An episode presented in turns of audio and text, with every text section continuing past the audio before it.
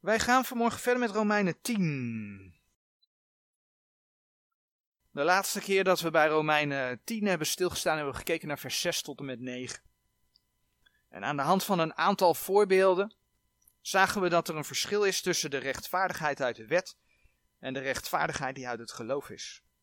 Daar waar Adam en Eva uit genade vanuit werken leefden, een situatie die in het duizendjarig vrederijk terugkomt, daar waar men onder de wet uit genade door geloof en werken leefde, een situatie die in de grote verdrukking terugkomt, leven we in de, genade, in de gemeentetijd uit genade door het geloof en niet uit werken.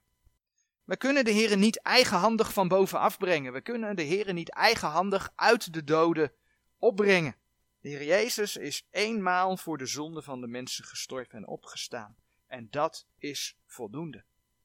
Het woord van God is niet ver. Als het verkondigd wordt, komt het in je hart. En dat geldt zelfs voor de ongelovigen. Want mensen horen het, en als ze zich er niet van afsluiten, dan nemen ze het in zich op. De vraag is dan, geloof je het en beleid je het, want daarin ligt namelijk je behoud. De vraag is, geloof je dat met je hart ter rechtvaardigheid en beleid je dat met je mond ter zaligheid. En dan willen we in Romeinen 10 verder lezen, vanaf vers 10. Want met het hart gelooft men ter rechtvaardigheid en met de mond beleidt men ter zaligheid. Want de schrift zegt, een iegelijk die in hem gelooft, die zal niet beschaamd worden. Want er is geen onderscheid, noch van Jood, noch van Griek. Want éénzelfde is Heer van allen, rijk zijnde over allen die hem aanroepen. Want een iegelijk die de naam des Heeren zal aanroepen, zal zalig worden. Hoe zullen zij dan hem aanroepen in welke zij niet geloofd hebben? En hoe zullen zij in hem geloven van welke zij niet gehoord hebben? En hoe zullen zij horen zonder die hun predikt?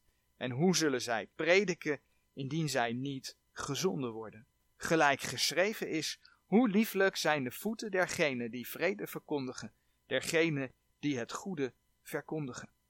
Het eerste vers wat we gelezen hebben, Romeinen 10, vers 10, is eigenlijk de bevestiging van wat we de vorige keer toen we bij Romeinen 10 stilstonden gezien hebben.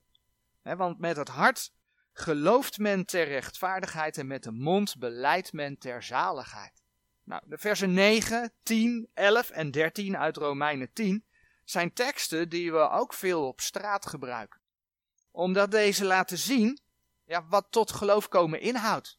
En ja, hoe je tot geloof komt. Hoe word je wederom geboren? Dat het niet om werken gaat, maar eigenlijk eenvoudig het erkennen is van wat de Heer Jezus voor je gedaan heeft. Want, dat is het in feite. Dat Hij voor je zonde gestorven en opgestaan is. En dat is belangrijk om te zien. En waarom is dat belangrijk? Omdat er ook wel gezegd wordt dat als je tot geloof komt, dat je al je zonden moet beleiden. Al je zonden uit het verleden. En een tekst die daar dan wel voor gebruikt uh, wordt is 1 Johannes 1 vers 9. 1 Johannes 1 vers 9. Waar geschreven staat, indien wij onze zonde beleiden, hij is getrouw en rechtvaardig, dat hij ons de zonde vergeven en ons reinigen van alle ongerechtigheid. Maar dan is de vraag, wanneer, stel je komt op een bepaald moment, neem je de Heer aan, wanneer heb je al je zonde uit het verleden beleden? Stel je vergeet er eentje, dan heb je wel een probleem, als dat de reden is om tot geloof te komen. Maar het punt is dat die tekst die we net gelezen hebben, 1 Johannes 1 vers 9, die is niet voor ongelovigen. Dat is een tekst voor gelovigen, zodat ze hun gemeenschap, hun relatie met de Heer kunnen herstellen. Als je kijkt in 1 Johannes 1 vers 3 en in 1 Johannes 1 vers 6, daar zie je dat het ook om die, die gemeenschap met de Heer en met elkaar gaat.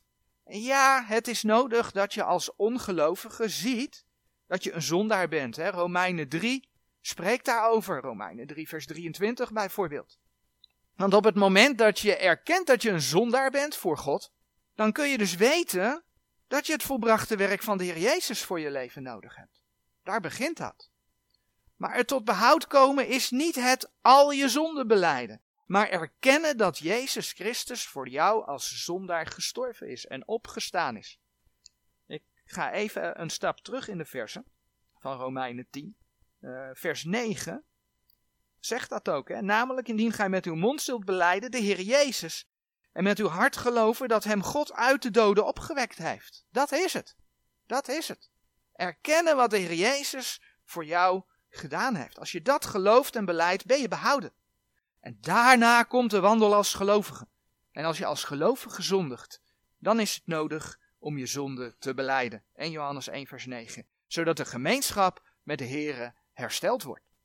We hebben dus gelezen over geloven en beleiden. Nu is er een gedeelte in Johannes 12. Dat gaan we opzoeken, waar we vinden dat sommigen niet beleden. En waarvan uit de context blijkt, blijkt dat ze toch wel degelijk bij de Here hoorden. En dat gedeelte gaat over de overste van het volk. Onder andere van de priesters, in Handelingen 6 vers 7 kun je lezen dat er uiteindelijk een heel deel tot bekering kwam. En dan lezen we in Johannes 12 vers 43 over die overste. Johannes 12 vers, uh, vers 43. Dat zij de eer van de mensen lief hadden meer dan de eer van God. En het resultaat was dat ze dus gericht waren op wat mensen van hun vonden, wat er in vers 42 staat. Het vers ervoor, nochtans geloofden ook zelfs velen uit de overste in hem, maar om der fariseeën wil beleden zij het niet, opdat zij uit de synagogen niet zouden geworpen worden. Ze waren bang. Ze waren bang voor de consequenties. En dat is in principe niet goed te praten. Want vorige week hebben we het over gehad dat de Heer God op de eerste plaats moet staan. Nou, zij hadden de Heere God op de eerste plaats moeten zetten. Wat mensen ook zeiden tegen ze. Maar kijk wat de Heer Jezus zei in Johannes 12, vers 47 en 48. En indien iemand mijn woorden gehoord en niet geloofd zal hebben, ik oordeel hem niet. Want ik ben niet gekomen opdat ik de wereld oordelen, maar opdat ik de wereld zalig maken. Die mij verwerpt en mijn woorden niet ontvangt, heeft die hem oordeelt het woord dat ik gesproken heb dat zal hem oordelen ten laatste dagen. Nou, in de eerste plaats lopen we hier tegen een situatie aan die recht gesneden moet worden. Hier staat namelijk dat de Heer Jezus niet oordeelt. Maar er komt een dag dat hij echt wel zal oordelen. En daar is de Bijbel niet tegenstrijdig. In Johannes 5, vers 22, in Matthäus 25, vers 31, in Openbaring 20, vers 11 tot en met 15 gaat allemaal over het feit dat de Heer Jezus gaat oordelen. Maar dan begrijpen we in Johannes 12 dat daar gesproken wordt over de eerste komst van de Heer Jezus. De Heer Jezus was niet op aarde gekomen om op dat moment bij zijn eerste komst te oordelen. Hij was gekomen om voor de zonde van de mensen te sterven en op te staan, zodat mensen gered konden worden. Maar zelfs bij zijn eerste komst zei de Heer Jezus dus dat zijn woorden de mensen zullen oordelen. Maar waar het nu even om gaat is dat we daar niet lezen die mij niet geloofd zal hebben en niet beleden zal hebben, wordt geoordeeld. Maar wel, indien iemand mijn woorden gehoord en niet geloofd zal hebben, en hem daardoor dus verwerpt, die zal geoordeeld worden. En dat komt, ja, eigenlijk heel veel overeen met een tekst die we lezen over geloven en dopen in het Marcus-evangelie. Marcus 16, vers 16. Marcus 16, vers 16. Die geloofd zal hebben en gedoopt zal zijn, zal zalig worden. Maar er komt een vervolg achter. Maar die niet zal geloofd hebben, zal verdoemd worden. Dat lijkt er heel veel op. De overste beleden de Heer Jezus niet, en dan moet ik er direct bij zeggen, dat deden ze niet voor de mensen. Want dat betekent natuurlijk niet dat ze niet met hun hart de Heere God aangeroepen kunnen hebben. Privé. Maar feit is dat de Heere ze afrekent op het geloof en dat is wat voor de Heere rechtvaardig maakt, wat ook in Romeinen 10 vers 10 geschreven staat. En we vinden dat overigens ook weer terug in eh, Romeinen 10 vers 11. Dat vers dat zegt, Romeinen 10 vers 11, want de schrift zegt, een iegelijk die in hem gelooft, die zal niet beschaamd worden. In elk geval is de normale situatie dat je iets met je hart gelooft, van binnen, daar heb je ja op gezegd, dat de Heer Jezus voor je zonde gestorven is en opgestaan is. En dat vervolgens beleidt met je mond. Want ja, waar het hart vol van is, dat is een gezegde, stroomt de mond van over. Het mooie van Romeinen 10 vers 11 is dat daar ook weer over de ja, geloofszekerheid gesproken wordt. Want als je met je hart gelooft dat de Heer Jezus voor jouw zonde gestorven en opgestaan is, dan ben je behouden. En daarin kom je niet beschaamd uit. Als we naar 2 Timotheus bladeren, 2 Timotheus 11, 2, vers 11 tot en met 13. 2 Timotheus 2, vers 11 tot en met 13. Dit is een getrouw woord, want indien wij met hem gestorven zijn, zo zullen wij ook met hem leven. Dat is de wedergeboorte, hè? Met de Heer Jezus gestorven en opgestaan. Dat betekent dat we tot geloof zijn gekomen. De Heer Jezus hebben aangenomen. Dan leven we met hem. Indien wij verdragen, wij zullen ook met hem heersen. Indien wij hem verloochenen, hij zal ons ook verloochenen. Het met hem meeregeren is voorwaardelijk. Hebben wij hem gediend in ons leven? Dat is de vraag die je dan moet stellen. Maar dan gaat de tekst wel verder, althans het volgende vers, vers 13. Indien wij ontrouw zijn, hij blijft getrouw, hij kan zichzelf eh, niet verloochenen. De Heere is trouw. Een wederomgeborene kan niet verloren gaan. Als je terugbladert naar Romeinen 8, vers 38 en 39, die zeggen dan ook, want ik ben verzekerd dat nog dood, nog leven, nog engelen, nog overheden, nog machten, nog tegenwoordige, nog toekomende dingen, nog hoogte, nog diepte, nog enig ander schepsel ons zal kunnen scheiden van de liefde Gods, welke is in Christus Jezus onze Heere. En dan gaan uh, in Romeinen 10, vers 12 en 13 als volgt verder. Want er is geen onderscheid, nog van Jood, nog van Griek. Want éénzelfde is Heer van alle, rijk zijnde over alle die hem aanroepen. Want een iegelijk die de naam des Heeren zal aanroepen, zal zalig worden. Dus als je tot de Heer keert en beleidt wat hij voor jou gedaan heeft, dan word je behouden. Dat hebben we gelezen net. En als je dat gedaan hebt, dan ben je behouden. En dat geldt dus voor ieder mens. De Heer God maakt geen onderscheid. Nu zijn er mensen die zeggen dat je geen gebed moet uitspreken als je tot bekering komt. Want zeggen ze, als je dan een, een, een, zo wordt dat dan wel eens genoemd, het zondaarsgebed uitspreekt, dan ben je eigenlijk met werken bezig. Want dan zeg je van, nou, eh, je moet eerst een gebed uitspreken voor je behouden bent, wordt er dan gezegd. Zoals we zagen, rekent de Heer inderdaad uh, mensen af op hun geloof. Maar het feit dat ook hier geschreven staat, hè, Romeinen 10, vers, uh, vers 13. Want een iegelijk die de naam des Heren zal aanroepen, zal zalig worden. Dat betekent dat ook hier wel sprake is van een gebed, want zodra je de Heer gaat aanroepen, dan ben je bezig met bidden. Dus de schrift zegt het zelf. En dat aanroepen van de Heer, dat beleiden met de mond, dat is normaal gesproken het resultaat van het feit dat je met je hart gelooft. Gods woord laat dat zien. En ja, is een gebed, is het beleiden, is dat een werk? Nee. Wat, je wat beleid je? Je beleidt dat Jezus Christus voor jou gedaan heeft wat hij gedaan heeft. Wat de schrift laat zien. Dat getuig je, oftewel de Heer Jezus heeft het gedaan. Hij heeft uitgeroepen, het is volbracht. En dat jij dat dan in je gebed mag beleiden, wil niet zeggen dat jij een werk aan het uitvoeren bent. Oftewel, het is nog steeds uitgenade door het geloof. En dan lezen we in vers 14 en 15 van Romeinen 10. Hoe zullen zij dan hem aanroepen in welke zij niet geloofd hebben? En hoe zullen zij in hem geloven van welke zij niet gehoord hebben? En hoe zullen zij horen zonder die hun predikt?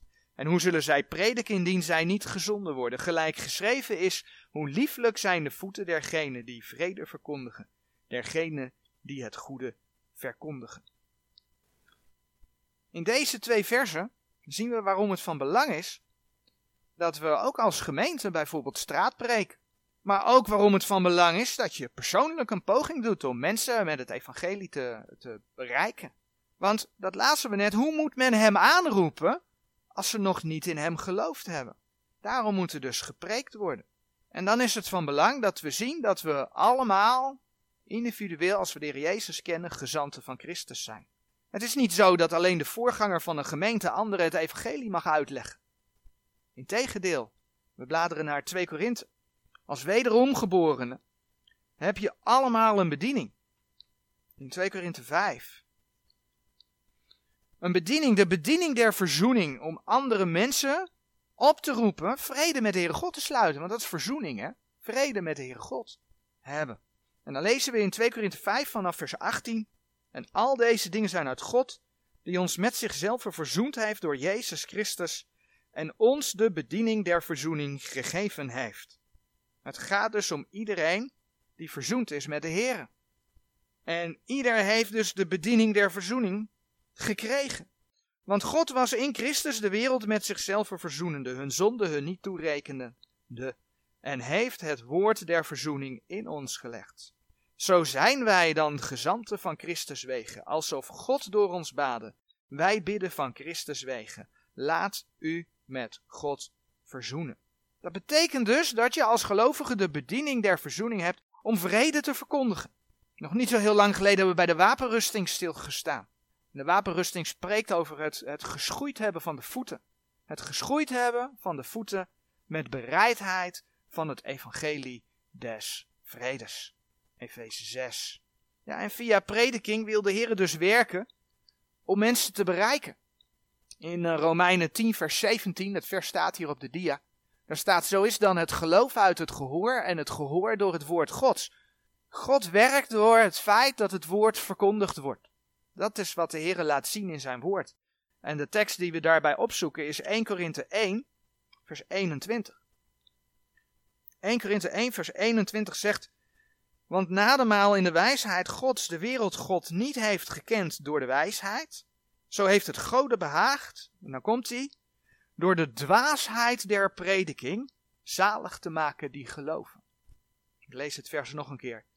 Want nademaal in de wijsheid Gods de wereld God niet heeft gekend door de wijsheid. De wereld denkt heel wijs te zijn. Maar door hun eigen wijsheid hebben ze God niet gekend. Door hun eigen wijsheid hebben ze Gods wijsheid niet gevonden. Zo heeft het Gode behaagd door de dwaasheid der prediking zalig te maken die geloven. Dus al wordt er onder christenen veel getwijfeld aan het nut van straatbreken.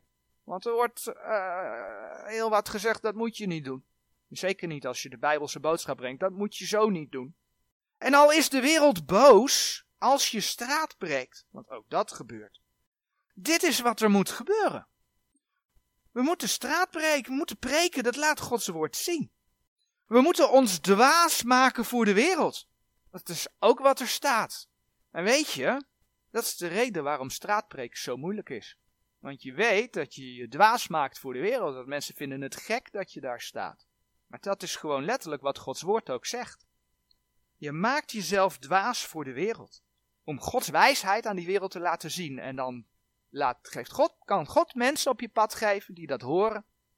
En die tot geloof komen. Want de Heere wil door het preken mensen bereiken. Al zien we de resultaten vaak niet, of niet direct, dat is wat Gods woord laat zien. Dat de verkondiging van zijn woorden van belang zijn. Want, en dan kom ik terug bij Romeinen 10 vers 8. Nabij u is het woord. In uw mond en in uw hart. Dat is dus hoe de, hoe de Heer werkt. Hij laat zijn woorden in de mensen komen. In uw mond en in uw hart. Dit is het woord des geloofs, het welk wij prediken. Nou, en de vraag voor de mensen is dan: geloven jullie dat ook? Want het woord van God gaat pas in iemand werken als iemand het ook gelooft. Dat hebben we nog niet zo heel lang geleden aan de hand van 1 Thessalonicense 2 vers 13 bij stil mogen staan. Amen.